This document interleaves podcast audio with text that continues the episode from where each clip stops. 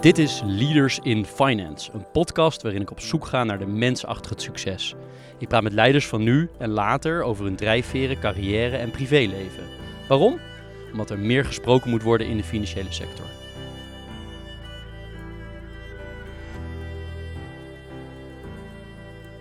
Leaders in Finance wordt mede mogelijk gemaakt door Interim Valley, FG Lawyers en Biscuit.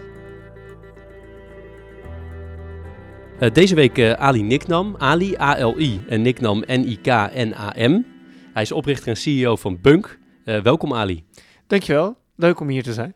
Ik vertel graag eerst iets over jou en je bedrijven, want dat is een ontzettend indrukwekkend verhaal, wat mij betreft. Het is 2012 opgerichte Bunk, is een mobile first bank met als tagline Bank of the Free.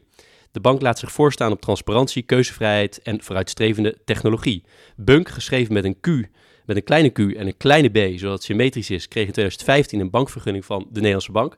Als eerste volledige nieuwe bank in ongeveer 35 jaar. Ali is geboren in 1981 in Canada als kind van Iraanse ouders. Na een korte stop in Iran kwam hij op zijn zevende in Gouda te wonen, waar hij gymnasium deed. Op zijn negende begon hij met programmeren en op zijn zestiende begon hij zijn eerste eigen bedrijf waar hij computers bouwde en verkocht. Aansluitend van 2000 tot 2007 deed Ali zijn bachelor technische informatica aan de Technische Universiteit Delft. Ondertussen richtte hij in 2003 de domeinnaam, registratie en webhoster TransIP op en in 2007 de Data Center Group. Om je beeld te geven van de getallen van Ali zijn bedrijven, wil ik er een paar met je delen over TransIP en Bunk. TransIP uh, fuseerde in de zomer van 2019 met een Belgische branchegenoot tot Team Blue. Uh, met een geschatte waardering van 1 miljard dollar en meer dan 1 miljoen klanten. Daarna heeft Team Blue uh, nog een grote overname gedaan, waardoor het aantal klanten op circa 2 miljoen ligt en de waardering uiteraard nog een stuk hoger uitkomt. Gegevens over Bunk zijn niet allemaal publiekelijk bekend, maar in 2018 stond er meer dan 200 miljoen aan toevertrouwd vermogen op de balans.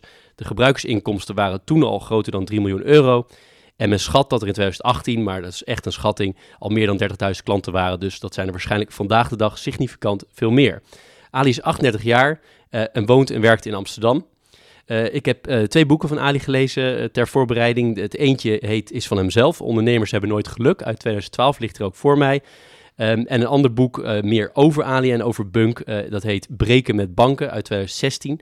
Uh, zoals ik zei, heel veel plezier gelezen. Ik vond het leuk. En was ik ook al net even zei, buiten deze aflevering. Dat geeft mij het gevoel dat ik Ali eigenlijk hartstikke goed ken. Maar ik wil hier benadrukken, want dat doe ik bij elke podcast, dat wij elkaar niet kenden tot tien minuten geleden. ik heb heel erg verheugd op dit gesprek. Uh, dus laten we snel starten. En ik wil eigenlijk uh, uh, straks ook veel meer over Ali te weten komen. Maar ik wil toch eerst wat vragen over, een aantal vragen over Bunk stellen, als dat, als dat goed is. en daarmee starten eigenlijk, wat zijn nou de drie grootste verschillen, als je de drie mag kiezen, tussen Bunk en een meer traditionele bank? Nou, allereerst uh, dankjewel voor alle vlijende woorden. Dus ik, kan me voorstellen dat je altijd heel charmant gevonden wordt. En, eh, en dank. En ook dank voor de goede voorbereiding. Want um, ik voel me altijd heel erg gecharmeerd als mensen mijn eigen boek lezen. Want dat vind ik altijd heel erg leuk. Daar heb ik destijds heel veel bloed, zweet en tranen in gestopt. Dus ehm, nou, mij heb je alvast te pakken. Dankjewel. Um, als je het hebt over de drie dingen die Bunk echt onderscheidt van een traditionele bank, dan is dat er eigenlijk maar één. Wij staan op en wij gaan naar bed uh, met het idee van hoe wij het leven van onze gebruikers kunnen vergemakkelijken. That's it. En of we dat nu doen via een app, waar we voor gekozen hebben, om, omwille van nou, dat dat de manier om, om dat te doen. Hè? Dat is de manier om dat te doen, anno 2020. Of dat we dat via andere manier, dat doet er eigenlijk niet zo toe. Ik denk, uh, die laserfocus op gebruiksgemak, dat is, dat is wat ons onderscheidt. Uh, recent, uh, tenminste ik kon er niet omheen, want ik kwam me overal tegen, is de Green Card uh, gelanceerd. Wat is dat precies? Ja, nou dat is echt, dat is iets echt heel erg leuks, want um, dat is een hartstikke mooie metalen pas. Dus hij is hij glimt en nou, hij is gewoon mooi. Uh, waarmee je voor elke 100 euro die je uitgeeft, uh, planten wij een boom. En uh, dat hebben we uh, gedaan omdat uh, wij, net als iedereen, begaan zijn met deze wereld. En we wilden heel graag een mooi product ehm, combineren met iets moois doen voor de wereld. En zo kwamen we uit op de Green Card. Is er iets te zeggen over het profiel van de bunkklanten? Als je zeg maar, de, de, is er een gemiddelde bunkklant of is die er niet? Nee, want je zou uh, heel erg denken dat het allemaal jonge, hippe mensen zijn. Nou, dat zijn het natuurlijk ook. Uh, maar het valt wel mee, want het product wat wij hebben is zo divers dat het voor iedereen iets kan betekenen. Dus voor ondernemers besparen we heel veel tijd. We hebben heel veel innovaties die ondernemers helpen om te focussen op een, uh, op een uh, onderneming in plaats van op administratief gedoe. Uh, voor expats maken we het makkelijk om überhaupt een bankrekening te openen. Uh, als je hier nog niet woont, is het bij traditionele banken heel erg lastig om een rekening te openen. Uh, voor mensen die iets uh, moois waarderen en iets goeds willen doen voor de wereld, hebben we de Green Card. Voor mensen die op vakantie gaan en niet, voor uh, lack of a better word, genaaid willen worden op de wisselkoers, hebben we de Travel Card. Um, voor mensen die de absoluut beste ervaring willen hebben in hun finances, hebben we Bunk Premium. Um, en dat is meer dan een bankrekening, want uh, uh, wat kan je nou met een bankrekening? Dat is ook heel makkelijk budgetteren, dat is inzicht geven in je uitgaven, dat is um, je bankrekening kunnen delen met meerdere mensen, dat is potjes kunnen maken. Dus er is voor ieder wat wils. Ik denk dat het ver is om te zeggen dat bij Bunk de cultuur anders is en Ja. de techniek. Ja. Als je naar die twee kijkt, hoe, hoe belangrijk is de een en de ander? Even belangrijk of wat, wat, zijn de, wat maakt het echt anders? Nou, wij zijn dus eigenlijk begonnen met uh, dienstbaarheid naar onze gebruikers toe. Hoe kunnen we hun leven vergemakkelijken? En van daaruit hebben we alles ingericht. Uh, zoals je hier om je heen ziet, het is niet een typisch bankaire omgeving. Um, en uh, ik denk dat wij ook echt tech zijn. Uh, techbedrijven zijn heel erg gebruikersgericht. Techbedrijven zijn van nature service-oriented. En daarom hebben wij ook hier, veel, hier heel veel tech mensen rondlopen. Um, en eigenlijk is dat alles opgebouwd om, om, om in staat te zijn om, uh, nou, om die gebruiker dus het leven te vergemakkelijken. En ja, we hebben de nieuwste technologie. En ja, we lopen wereldwijd voor, waar ik heel erg trots op ben. En ja, we hebben een heleboel innovaties die, uh, uh, die het leven vergemakkelijken. Sommige van die innovaties, zoals inmiddels bekend, zijn gekopieerd. Heel veel ook niet. Maar dat is eigenlijk secundair. Waar het om gaat, uh, wat je afgelopen dinsdag bij Bunk Update 13 ook zag, is dat wij heel erg dicht in een intieme relatie, haast zou ik willen zeggen, met onze gebruikers zitten, waardoor we heel goed begrijpen, um, um, om in het Engels te zeggen, what their wants and needs are. Uh, zodat we producten maken waar mensen echt van houden. En dat, dat maakt het heel dynamisch. En dat maakt dat we bij een pro productlancering voor een uitverkochte zaal staan. met honderden mensen die enthousiast zijn over een bank. Nou, dat, dat heb je nergens anders in de wereld. Nee, ik heb zelf tussen 2007 en 2014 uh, bij ABN AMRO gewerkt. Toen waren, was men best wel uh, benieuwd, maar vond ook erg spannend uh, wat die challenger banken zouden gaan doen, die toen aan het opkomen waren, ook in, de, in, de, meer in de Anglo-Saxische landen. Denk jij dat de banken bang zijn geweest en nog steeds zijn van partijen zoals jij? Nou, wat ik merk is dat bedrijven die hun beste tijd gehad hebben, with all due respect, um, dat ze vaak in een soort uh, angstreactie schieten, naar binnen gericht, proberen hun terrein te verdedigen, um, zowel nou, op, op allerlei manieren.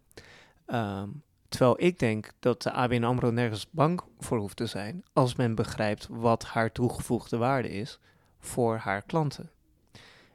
En op het moment dat dat wat minder duidelijk is, of op het moment dat dat ter discussie staat, ja, dan, uh, dan kan ik me voorstellen dat, dat mensen daar uh, bang voor worden. Ik wilde één analogie trekken met TransIP, het bedrijf wat je ongelooflijk succesvol hebt, uh, hebt opgericht. En uh, nou ja, wat, uh, zoals we in het begin bij de inleiding zeiden, enorme getallen nu behelst. als je die analogie met Bunk trekt, zou je op een bepaald moment zien dat Bunk samengaat met alle andere challenger banken om nog grotere speler in Europa te creëren? Um, alles kan. Voor mij is het uitgangspunt um, um, de gebruikers. bij TransPay was het heel erg logisch uh, dat we op een gegeven moment samen gingen. We hebben fantastische technologie, ook bij Transipay. En we waren, uh, uh, nou, heer en meester is, is, klinkt misschien wat arrogant, maar toch, als ik dat met volle trots zou mogen zeggen, heer en meester in Nederland met de beste, de beste producten, de meest gebruiksvriendelijk, hele grote schare trouwe, trouwe klanten. Alleen buiten Nederland kregen maar moeilijk voet aan de grond. En dus was het meest logische om ook mensen buiten Nederland ervaring te kunnen laten maken met, met de wonderschone producten van TransIP door samen te gaan. Dus dat, dat hebben we toen ook gedaan. Maar het is voor mij ehm, geen doel op zich. En mijn uitgangspunt is dus altijd hoe bereiken we die gebruikers waar we echt een verschil in kunnen maken. Helder. En dan toe bewegen het naar, uh, naar jouzelf als, uh, als persoon. En we komen, nou ja, meanderend zeker weer langs, ook langs Bunk. Um, jouw, de omgeving waar je bent opgegroeid, je fascinerend beschrijf jij wat het is om ondernemer te zijn. Vond ik ontzettend interessant te lezen. Maar zat dat ondernemen nou ook al in, jou, uh, in de omgeving waar je opgroeide? Um, dat vind ik een hele leuke vraag, maar moet ik ook terugdenken is niet mijn sterkste kant. Ik denk liever altijd vooruit. Um, dat weet ik niet, want ik ben, ik weet ook niet. Ik ben eigenlijk altijd heel nieuwsgierig en creatief geweest. En uh, die combinatie heeft me tot ondernemer gemaakt. Um, maar volgens mij, wat ik ook in mijn boek beschrijf, als ik iets behendiger ge was geweest met de kwast, dan had ik ook een schilder kunnen worden. Um, dus ik weet niet of, of mijn omgeving daar voor wat dat betreft veel aan heeft bijgedragen. Um, wel de diversiteit, denk ik, in mijn, uh, in mijn opkomst. Dus, dus dat ik in Canada ben geboren, dat ik in Iran heb gewoond, dat ik in Nederland ben komen wonen, dat ik echt drie verschillende culturen heb meegemaakt. De Canadese arguably iets minder, omdat ik vrij jong was toen we daar weggingen. Um, en dat heeft mijn kijk op de wereld ook, denk ik, verbreed. Um, en ik heb daardoor mogen ervaren, firsthand, um, dat we eigenlijk op deze planeet best wel allemaal hetzelfde willen. Dat deze planeet wordt bevolkt met mensen die uh, niet alleen het beste willen voor zichzelf, maar ook voor elkaar. En dat de verschillen waar we tegenwoordig in het huidige tijdsgewricht helaas uh, wel eens op regelmatige basis mee geconfronteerd worden, in realiteit veel minder bestaan dan dat ons wordt opgedrongen. Uh, dus vanuit die wereldblik kijk ik naar heel veel dingen en dat gecombineerd met mijn creativiteit zie ik vaak hoe dingen beter kunnen en hoe dingen anders kunnen. En dat is denk ik eigenlijk een beetje de rode draad in mijn leven. Tijdens de middelbare school wist ik het allemaal beter, was ik een beetje bij de handje. Vonden niet alle leraren even leuk. Um, maar goed, dat stelde me in staat om dan een eigen bedrijf te beginnen. En vervolgens om mijn studie, mijn universitaire studie, heb ik ook helemaal op mijn eigen manier gedaan. Um, ik was er vrij weinig, moet ik eerlijk bekennen. ja. Um, en, en ik zie dus eigenlijk steeds uh, uh, hoe de wereld nog mooier kan worden. Nog, nog beter, nog vriendelijker, nog meer samen, nog nou, beter. En, uh, um, en dat probeer ik tot uiting te brengen in al mijn bedrijven. Ja, want de initiële vraag die kwam bij mij voort uit het feit dat ik toen ik het las, zat ik zo erbij te schrijven nature or nurture ja. van dat ondernemende. Want ja. als ik het bij jou lees, lijkt het bijna alsof het nature is, een ondernemer zijn. Terwijl ja. ik toch ook wel vaak zie, ook mensen die ik uh, gesproken met deze podcast, dat ze toch ook heel veel hebben meegekregen door een aantal mensen die zijn tegengekomen of zelfs vanuit het feit dat hun ouders ondernemer waren of in een ondernemende omgeving zaten. Ja, ja nature or nurture is, is natuurlijk uh, een van die vele vragen die vaak als zwart-wit wordt gesteld. Maar zoals alles in het leven hebben we vaak te maken met tinten van grijs. Denk ja. ik. Nee, helemaal met je eens. Helemaal met je eens. Um, ik denk dat ik geen ruzie met je krijg als ik zeg dat je competitief bent. Nee, helemaal niet. Uh, ben je ook met broers en zussen opgegroeid? Ik heb een jonger broertje, ja. Was ja. daar ook altijd competitie? Zeker. Ja, hij is ook heel competitief. Um, we hebben ook allebei veel met sport. Onze ouders hebben ook veel met sport gedaan. Um, en mijn broertje, die, uh, um, die heeft een iets ander levenspad uh, bewandeld. Dus die is bij mijn weten cum laude of zelfs summa cum laude afgestudeerd bij een van de moeilijkere profs in, in Leiden. Terwijl die ook uh, de zilveren medaille won op, ik geloof Taido is een vechtsport, voor studenten in Nederland. Dus ook hij is redelijk bedreven en gedreven. En ook hij um, is overigens bezig met op zijn manier de wereld beter te maken. En dat, dus dat, misschien zit dat wel een beetje in ons nature. Aan de andere kant, ik denk dat iedereen die het voorrecht heeft gehad om de wereld overgereisd te hebben op vrij jonge leeftijd om ervaren te hebben uh, hoe mooi deze wereld in haar totaliteit is. Uh, ik denk dat zo iemand eigenlijk altijd verdoemd is tot het proberen bij te dragen aan het beter maken van die wereld als geheel. Mooi. Uh, als ik uh, alles wat ik gelezen heb uh, combineer, hè, dan schoot de hele tijd één ding door mijn gedachten. En dat is, dit is eigenlijk gewoon een Elon Musk in heel veel opzichten. ik zal het toelichten. of je dat een compliment hebt of juist niet, weet ik niet. moet je zo ook maar zeggen. Je denkt groots, je werkt keihard. Je bent ontzettend succesvol. Je hebt een grote fanclub. Je staat geregeld op het podium, wat je net ook zei met die updates van Bunk. En je bent heel erg gericht op het focussen van het system change, hè, het veranderen van het systeem. Uh, nou ja, ga zo maar door. Internationaal gericht, technisch onderlegd, razendslim. Uh, meestal redelijk. Misschien zeggen sommige mensen niet altijd, weet ik niet. Um, altijd gericht op output, hè. Uh, zoals je zelf hier overal hebt staan. Wat ik hoor, get stuff done, shit done. Um, waarschijnlijk ook ongeduldig, gok ik. Altijd voorwaarts gedreven. En al die dingen is precies Elon Musk voor me. Snap je die vergelijking? Er zijn ergere mensen om mee vergeleken te worden. Maar jij herkent het dus wel. Nou, ik denk dat, uh, ik denk dat we allemaal op onze eigen manier uh, iets proberen bij te dragen aan deze wereld. En uh, um, als ik dan kijk naar mijn broertje, die, uh, waar we het dan net over hadden, dat vind ik ook heel erg knap. En um, de reden waarom ik dit zeg, is dat, we, dat ik soms merk bij mensen dat er een beeld bestaat dat je inderdaad een Elon Musk zou moeten zijn om iets positiefs bij te dragen. Maar eigenlijk vind ik dat we het allemaal in ons hebben om iets bij te kunnen dragen. En dus, ja, uh, lijk ik op Elon Musk, lijk ik niet op Elon Musk, weet ik veel. Ik, ik denk dat we allemaal op onze eigen manier doen wat we kunnen om er een mooiere plek van te maken. Ja, nou, ik hoop in ieder geval zelf, maar dat is mijn mening, dat we in Nederland dat soort mensen juist heel erg um, waarderen. Dat we niet uh, jaloers erop worden. maar daar komen we straks nog op. Um, ik, ik weet dat je het vaak besproken, maar ik wil toch graag dat ook de mensen die dit luisteren toch nog een keer daar iets over horen. Maar hoe was het om toen je jaar of zeven was in Nederland te komen? Want je hebt daar een paar best wel interessante ervaringen gehad. Um, ja, even denken. Dat was, uh, ten eerste was het verschrikkelijk. Want ik hield ontzettend veel van mijn uh, opa en oma en mijn ooms. En die kon ik dus een tijdje niet meer zien. Uh, dus dat vond ik heel erg erg. ik vond het heel erg koud en kil. Um, um, voor de mensen die misschien Iraniërs of Persen niet zo goed kennen. We zijn heel erg gasvrij, heel erg warm. De deur staat altijd open. De buren komen vaak langs. Het leven speelt zich vaak op straat af, want het is een warm klimaat. Um, ik, ik, maak wel eens de vergelijking, toevallig gisteren nog met een uh, vriendin. Uh, als een Iranier zegt: Het wordt tijd om te eten, dan bedoelt hij blijf lekker eten. Als je hier hoort, het is tijd om te eten, betekent eigenlijk dat het tijd is om op te hoepelen. Dus uh, die koudheid en die kilheid.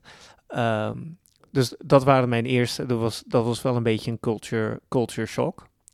Uh, maar al vrij snel, uh, zeker nadat ik eenmaal in de juiste school zat, uh, werd ik ook wel bevangen door door, uh, door de Nederlandse cultuur. En dat dingen gewoon werken hier en ordentelijk zijn. En uh, de hele lieve blonde meisjes en uh, de goedaardigheid en de goedhartigheid van de mensen om mij heen. die eigenlijk, dus bijvoorbeeld meester Jan, die tegen een aantal regels inging. En die zei, ja, het slaat nergens op dat die jongen bij een of andere halve school aan de andere kant van de stad uh, gaat, terwijl we hier een veel beter onderwijs kunnen. En bovendien woont hier om de hoek. Nou, dat, dat heeft mij uh, eigenlijk op die manier altijd geïnspireerd. En dat brengt mij dus ook op wat ik net zei, dat als je de wereld over gaat, dan zie je dat eigenlijk de culturen verschillen en zo wel. En nou, uh, de ene zijn wat chaotischer en de andere zijn wat georganiseerder. En dan zijn sommige mensen weer wat warmer en de andere zijn misschien wat kouder. Maar eigenlijk uh, vind je het goede in mensen overal wel. Die meester Jan, die kom ik een aantal keer tegen. Ja. Uh, heb je nog contact? Ik ben hem een keer uh, een jaar of vijftien geleden tegengekomen. Toen wist hij het nog. Ehm, en ja, dat was heel vreemd om hem te zien na al die jaren. En dat vond ik heel mooi. Ehm, heel leuk ook. Ehm, maar daarna eigenlijk niet meer. Ik zou hem eens een rekening aanbieden bij, bij Bunk. Bij Bunk. Ja. Um, er zijn ongetwijfeld mensen geweest die belangrijk ik zijn. Ik weet zijn achternaam trouwens ook niet meer. Dus voor mij was het altijd meester Jan. Ja. Nou, met jouw internetskills kom je denk ik heel snel achter wie het... Uh, en, uh, misschien dat iemand dit al hoort en kan je de achternaam uh, vertellen. er zijn ongetwijfeld belangrijke mensen geweest in jouw leven die, jou, die heel bepalend zijn geweest.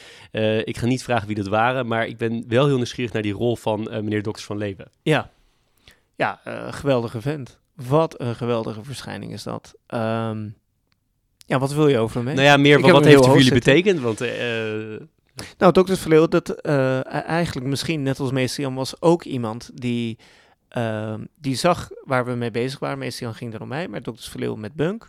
Die kwam binnen op ons eerste kantoor, hier niet ver vandaan. Dat was toen nog full-blown crisistijd. Het kantoor stond helemaal leeg. Wij hadden natuurlijk geen cent te rooien, dus het was onverwarmd, nou, et cetera. Mochten het voor een prikkie uh, mochten het bezetten. Het was eigenlijk anti-kraak, zou je wel kunnen zeggen. En er, komt toch een prominent figuur uit de Nederlandse uh, maatschappij. Die, die komt langs. En ja, wij waren, we hadden dan nog wel de ruimte een beetje schoongemaakt, gestofzuigd en zo.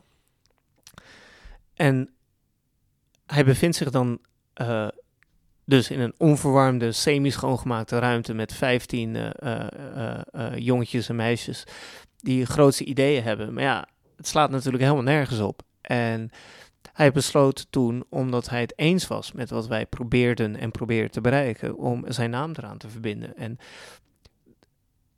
ja, omdat het, er was nothing in it for him, zeg maar. Er, was geen upside, er was geen bonus, hij had niks te winnen.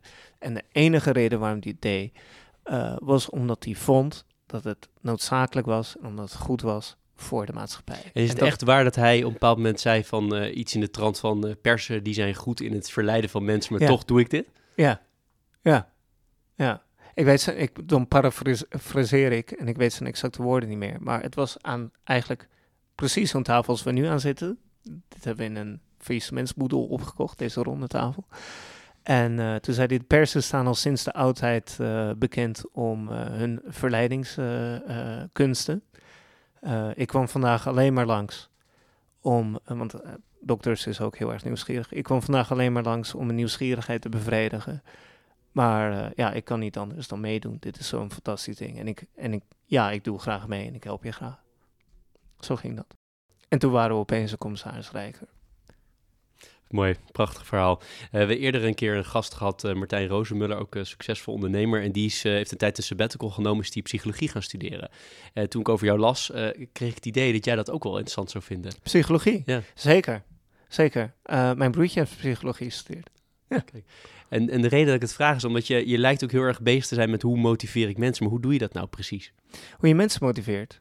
Um, nou, ik ben meer bezig met wat drijft mensen. Wat drijft mensen? Wat drijft de wereld? Waarom zijn de dingen zoals ze zijn? Uh, waarom nemen we genoeg met heel veel dingen, maar geen genoeg met andere dingen? Um, nou, gisteren uh, uh, las ik bijvoorbeeld het, of vanochtend, het verschrikkelijke nieuws dat er volgens mij twee mensen weer zijn neergestoken in de UK. Het is terreur. Nou, dat is natuurlijk bijzonder spijtig. Um, maar waarom accepteren we wel dat er 10.000 mensen per dag doodgaan in, nou, uh, weet ik veel, uh, in, in ziektes of in auto-ongelukken? En waarom is dat geen nieuws? Want het is niet alsof we daar niet iets beters van kunnen maken. Alsof we daar niet het aantal slachtoffers kunnen verminderen. Dus heel veel dingen, voor mij zijn de dingen niet per se, uh, ik neem niet per se dingen zomaar aan. Dus ik vraag me altijd af, waarom? Waar, waarom doen we dat? En misschien is dat wat je bedoelt met inderdaad ook bij mensen. Wat maakt iemand uh, bedreven in iets? Waarom doen sommige mensen 30 jaar lang, 40 jaar lang werken wat ze niet leuk vinden? Waarom doen mensen heel lang werk waar ze niks toe kunnen voegen? Wat ze zelf ook weten. Hoe houden die mensen dat vol? 40 jaar lang. Ik moet er niet aan denken. Ik ben na twee dagen, ja, sorry. Maar dat, dat trek ik gewoon niet. Dus ik ben gewoon nieuwsgierig, denk ik. Als jij s ochtends opstaat wat, uh, en je gaat aan je werk denken, ja. wat motiveert je het meest? Um, nou, de ochtenden zijn eerlijk gezegd altijd zwaar voor mij. Ten eerste omdat ik geen ochtendmens ben. Uh, ten tweede omdat ik mezelf heb aangeleerd om de dag te beginnen met dingen die ik eigenlijk niet leuk vind. Uh, zodat ik aan het einde van de dag uh, nou weet ik dat we dit interview s ochtends doen. Dat heeft daar niks mee te maken. Dat is gewoon, komt toevallig zo uit. Dus begrijp me niet verkeerd. Maar, uh, dus de ochtenden, die heb ik altijd het liefst achter, zo snel mogelijk achter de rug. Uh, doe ik alle moedjes, dus alle e-mails beantwoorden, alle administratieve dingen die ik moet doen. heeft vele vergaderingen die, die per se moeten, zodat ik vanaf de middag dingen kan doen die ik leuk vind. En wat vind ik dan leuk? Ik vind het leuk om uh, bezig te zijn met design, om bezig te zijn met kijken wat onze gebruikers enthousiasmeert, bezig te zijn met programmeren, bezig te zijn met alle nieuwe producten en projecten waar we hiermee bezig zijn, bezig zijn met onze groei in het buitenland. We hebben een aantal weken geleden een kantoor geopend in Bulgarije. Daar ben ik ontzettend trots op. Daar vlieg ik aankomende woensdag heen. Nou, vind ik geweldig dat daar nu ook bunkers zitten. Um, en dan, ja, zo. Leuk. Leuk. Nee, ik ben juist heel erg een ochtendmens, dus het is interessant hoe we elkaar hier treffen. je kent een van die, die uitspraken van de founders van Amerika, geloof ik, van uh, early to bed, early to rise makes a man healthy, wealthy and wise. Maar dat, uh, bij jou moeten we er een, uh, een variant op gaan verzinnen, andersom. Ja. ja, ik denk dat ik liever om zes uur s ochtends naar bed ga dan zes uur s ochtends mijn bed uitkom. Misschien zit ik nog in de verkeerde tijdzone vast. Oh ja, dat zou kunnen, ja. Eh, ik begreep dat jullie hadden of hebben nog steeds een, een veel cake hier. Een veel cake uh, op kantoor. Ja. Precies, een faaltaart. Als iemand een fout heeft gemaakt, betekent dat taart meenemen. Ja. Uh, ik geloof dat het een bekend fenomeen is, dus het is nog zo. Ja. waarvoor heb jij laatst meegenomen? Um, ik had laatst... wij proberen hier mensen te leren heel erg voorzichtig om te gaan met uh, klantgegevens. En dus uh, een van de dingen die we hier doen is dat je jezelf meteen vanaf het begin aanleert om je laptop te lokken zodra je wegloopt. Dat wordt er helemaal in. En als je dat niet doet, dan hebben we een interne Slack-kanaal. Uh, dan iedereen die dat ziet, die zegt, op, ik neem gin tonics mee. Dat noemen we GT en gin tonics mee. En eigenlijk voor het eerst in de geschiedenis er gebeurden heel veel dingen tegelijk. Ik had mijn hoofd er niet bij. En ik had mijn eigen laptop dus niet gelokt. Dus ik werd voor het eerst ge Nou, zo. Duidelijk, duidelijk. Um, je hebt vaak over uh, Nederlanders gezegd dat, ze, uh, dat je zo waardeert dat ze pragmatisch zijn. Ja. Dat ze gewoon praktisch zijn. Ja. Je hebt ook vaak gezegd dat Nederlanders misschien wel wat kunnen winnen aan wat groter denken. Ja. Als je dat zou willen veranderen, hoe doe je dat? Waar begin je? Um, dat is een hele goede vraag. Um, waar ik het antwoord niet zo goed op weet. Ehm, ik denk door het erover te hebben. Ehm, maar ik denk eigenlijk ook dat we misschien een keer met de politiek en met een aantal ondernemers en een aantal bedrijven samen moeten komen hoe we Nederland internationaal weer op de kaart zetten.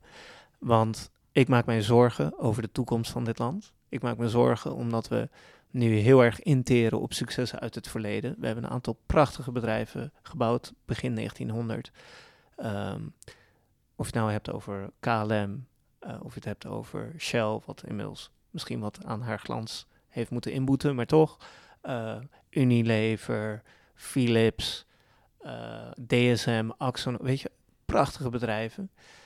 maar er komt zo weinig bij. Er komt zo weinig bij. En er komt volgens mij zo weinig bij, omdat we uh, misschien te comfortabel zijn gaan leven. Uh, en omdat we misschien een deel van onze durf zijn kwijtgeraakt. De durf om groot te denken, om, uh, om risico's te nemen, om gewoon ergens voor te rennen. Niet omdat je a priori, niet omdat je van tevoren zeker weet dat je het gaat halen, maar juist omdat je niet weet of je het gaat halen. Niemand doet mee aan de Olympische Spelen omdat hij van tevoren zeker weet dat hij de medaille wint. Je doet mee omdat je het een nobel streven vindt en omdat je het beste uit jezelf wil halen. En misschien leidt dat wel tot een medaille. En ik denk, uh, ik denk dat het heel goed zou zijn. Ik denk dat het heel goed zou zijn als die discussie op gang komt en als die dialoog op, kan, uh, op gang komt. En dat we het weer eens over dat soort dingen hebben. En niet over de kleine dingen die misschien ergernissen zijn, maar in de grand scheme of things misschien net even wat minder prioriteit zouden moeten hebben. Je investeert zelf heel zwaar in bunk, hè? Met, met al je energie, met al je, al je, je nou ja, 24-7 waarschijnlijk ben je ermee bezig om dat, uh, om dat tot een succes te maken, wat het nu al is, maar waarschijnlijk nog groter in, jou, in jouw hoofd zit. Uh, je investeert ook heel zwaar met financiële middelen. Je hebt uh, tientallen miljoenen zelf ingestoken. Ja. Um, als jij nu ieder jaar nog even extra 50 miljoen had, ik noem maar wat. Ja. misschien heb je, maar dat is even niet relevant, maar stel je hebt nog even 50 miljoen extra te investeren. Waar zou het dan met name heen gaan? Of zou je het eigenlijk helemaal niet kunnen gebruiken?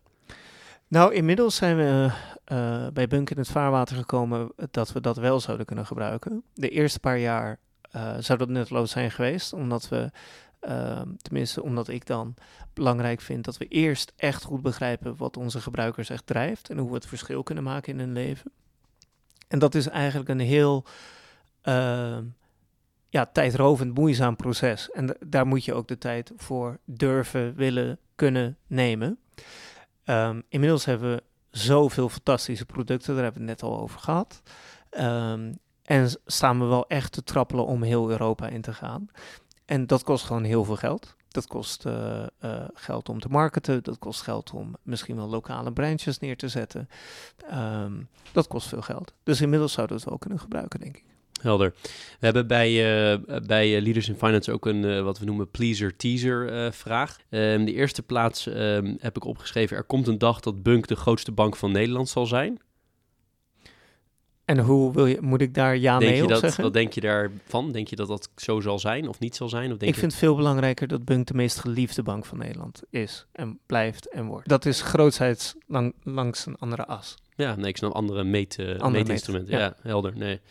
Um, de andere die ik heb opgeschreven is... Um, kijk, ik wil je absoluut geen uitspraken, uh, negatieve uitspraken over regulators uh, ontlokken. Ja. Dat is ook helemaal niet mijn bedoeling. Maar wat ik wel wil vragen is uiteindelijk, of wil stellen, uiteindelijk maakt de regulator, of het dan wel hier in Nederland is of Europees of nog groter, ja. uh, partijen zoals jouw uh, Bunk, het toch zo moeilijk dat je nooit echt kan doorbreken. Omdat je zo'n andere taal spreekt. Nou, dat klopt. Dan zijn we snel uit dan. Ja. Kan je nog klopt. iets toelichten? Um, de regulator, de, het instituut van de Nederlandse Bank, waar wij mee te maken hebben, is opgericht met als doel om eigenlijk alles bij het oude te houden. Om geen risico's te nemen, om, geen, om niet te veel verandering, niet te snel.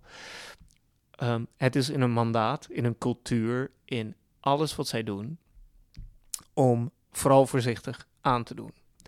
Een start-up, verandering, is per definitie risicovol. Per definitie. Dus dat vindt men heel erg moeilijk. Dus dat is één, één deel van het verhaal. Het andere deel van het verhaal is dat alle wet en regelgeving, dat gaat dus niet om, om de toezichthouder. Want DNB is eigenlijk regulator en toezicht. Dus uh, is, is en wordt geschreven op basis van die grote banken. Dus dat maakt dat nieuwe toetreders met eisen krijgen die niet alleen heel erg zwaar zijn voor ze, maar ook nergens op slaan. Gegeven de compleet andere context. Het is hier geen ING. Dat, dus dat is het tweede waardoor het heel lastig wordt. En dat betekent, en daar zijn we dan wel weer mee gezegend, dat mensen bij de regulator dus pragmatisch moeten nadenken. En moeten nadenken over de daadwerkelijke doel van wat de regulator wil proberen te bereiken. Namelijk uh, stabiliteit van de sector. En dat betekent dat. Uh, um, en dat betekent weer dat mensen echt hun hoofd erbij moeten houden in plaats van een tick the box. Nou, als ik dan naar DNB kijk, dan zie ik dat het is een enorm instituut. En ik vind dat daar toch best wel heel veel mensen rondlopen die beseffen hoe belangrijk dit is voor de samenleving. Hoe belangrijk het is dat er diversiteit is. Hoe belangrijk het is voor de stabiliteit van het systeem als geheel dat er partijen zijn die het anders doen. En die daarom ook, ondanks dat het risicoaverse mensen zijn, toch durven hun nek uit te steken. En daar heb ik heel veel respect voor. Waar zitten we op het continuum tussen? Is, zit, is het vooral een systeemprobleem uh, of zijn er toch ook heel veel mensen die het echt niet zien zitten?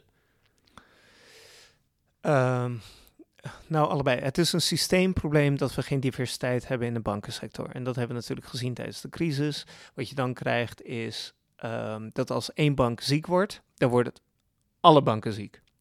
Um, dit kennen we natuurlijk ook vanuit de natuur. Het is allemaal niet zo verstandig om maar één gewas te, te, te oogsten. Want ja, vroeg of laat gaat het een keer mis. Dus monocultuur is nooit een goed idee.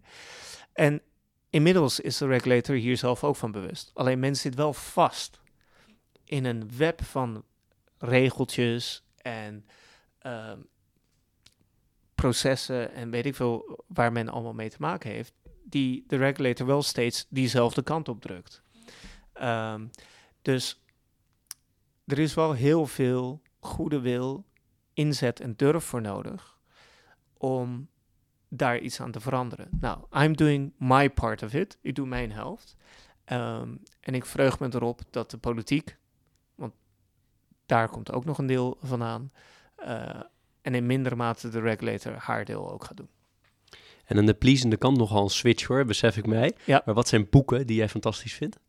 Ik ben nu uh, bezig met uh, um, It's not what you say, but what you do. Ik weet de titel even niet meer. Dat zou ik dan even moeten opzoeken. Het rode kaft, geschreven door een van de oprichters van uh, Andreessen Horowitz. Volgens mij is het geschreven door Andreessen, of juist door Horowitz, dat weet ik dus niet meer.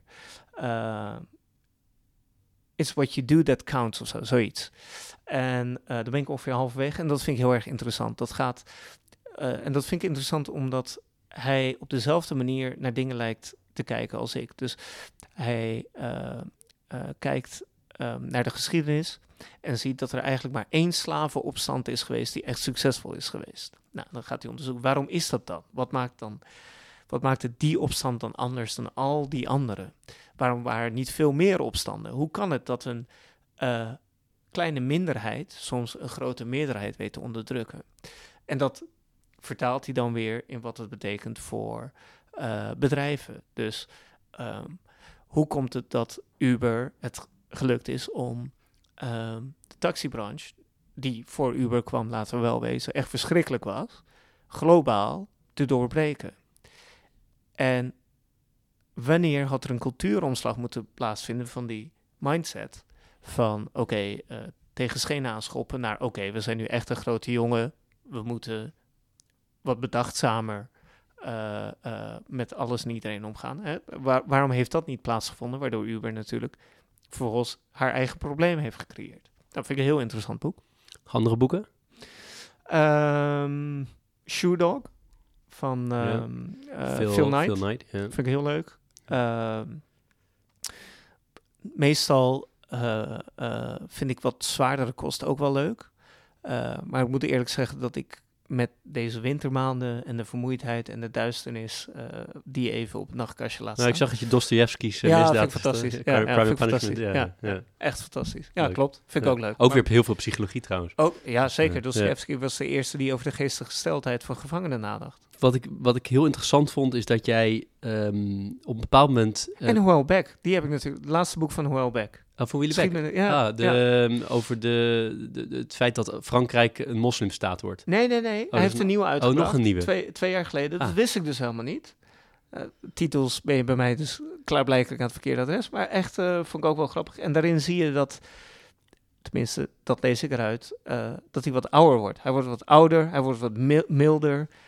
Eh, dat nihilisme begint er een beetje uit te gaan. En hij begint eh, zowaar hoopvolle berichten tentoon te spreiden. Dus ik weet niet wat dat dan weer betekent. Maar eh, ook voor Howell is er nog eh, hoop. Ik heb bijna alles van hem gelezen. Deze ken ik nog niet. Nee, maar hij is nieuw. vind- Ja, ik was verrast. Ja, doen, ja, doen. ga ik doen. Ja, ja. Nee, het is ontzettend sterk. En mochten, mo- mochten luisteraars nog nooit iets van Willy Beck of Oele Beck, of hoe je hem uitspreekt, weet ik niet. Maar gelezen hebben zou ik zeggen, begin met Doen. platform. Want Ja. dat is, Ja, eh, dat is- eh, wel een klassieker. Ik wil even, eh, jij haalt ehm, in jouw boeken Ondernemers hebben nooit geluk, eh, van wel een tijd geleden, haal je Schopenhauer aan. En dan zeg je, de grootste, eh, zegt hij uiteraard, de grootste dwaasheid is het opofferen van uw gezondheid voor welk ander geluk dan ook. Ja. En als je over jou leest, dan lijkt jij wel een ja, ongelooflijk gedreven, maar harde werker die Ja. soms niet de maat weet te houden met van wat is nog gezond. Ja. Maar lukt jou dit? Ehm, nou, de vraag is, d- dat is, dat is een hele goede vraag. En ik denk dat gezond, het beeld van gezond leven is door de jaren heen natuurlijk veranderd.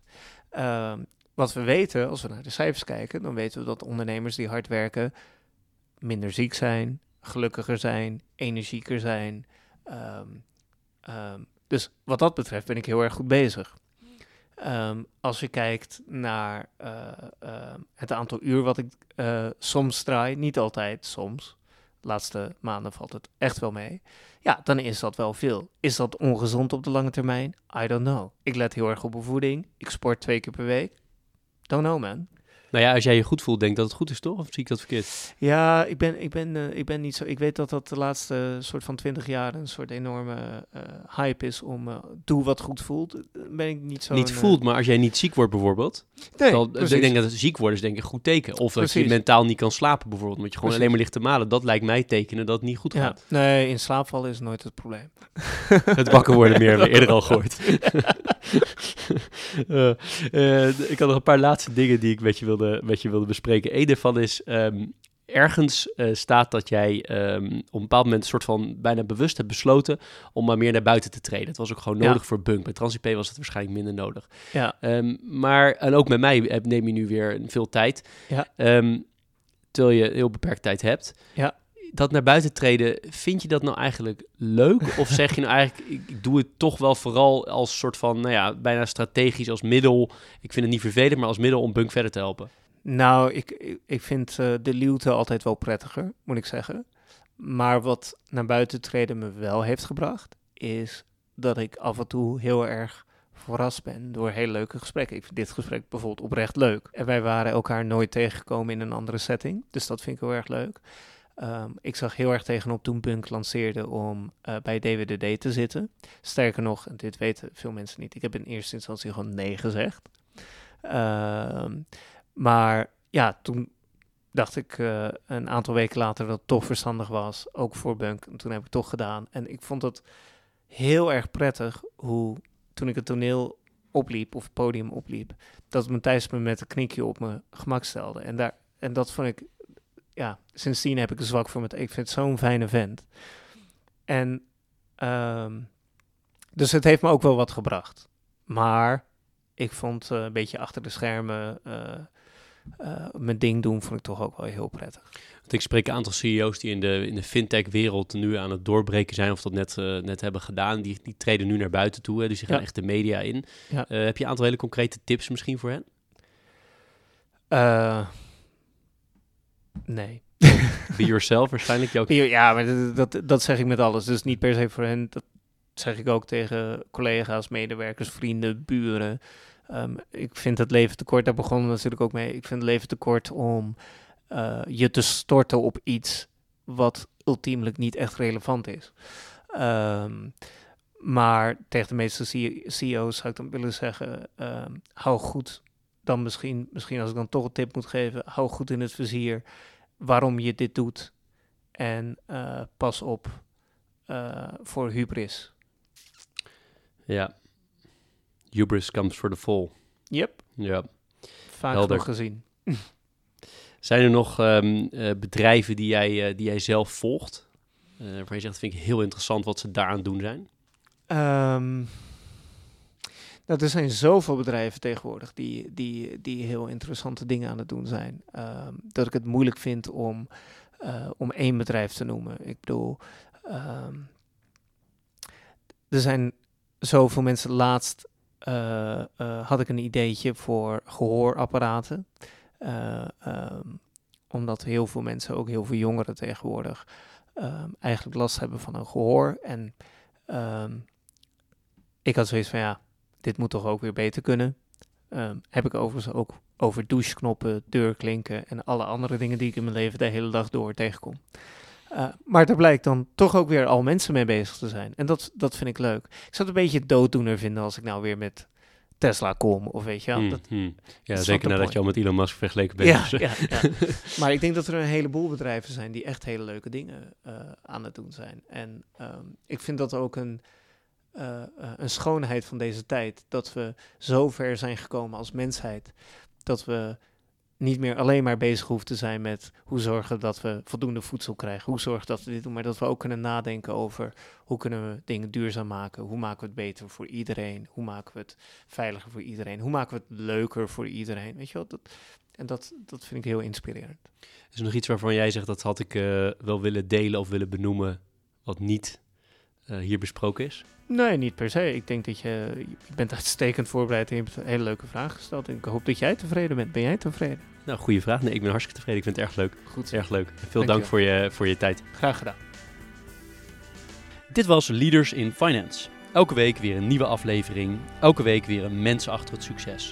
Ik vind het belangrijk om te zeggen, deze podcast zou er niet zijn zonder onze partners Interim Valley, FG Lawyers en Biscuit.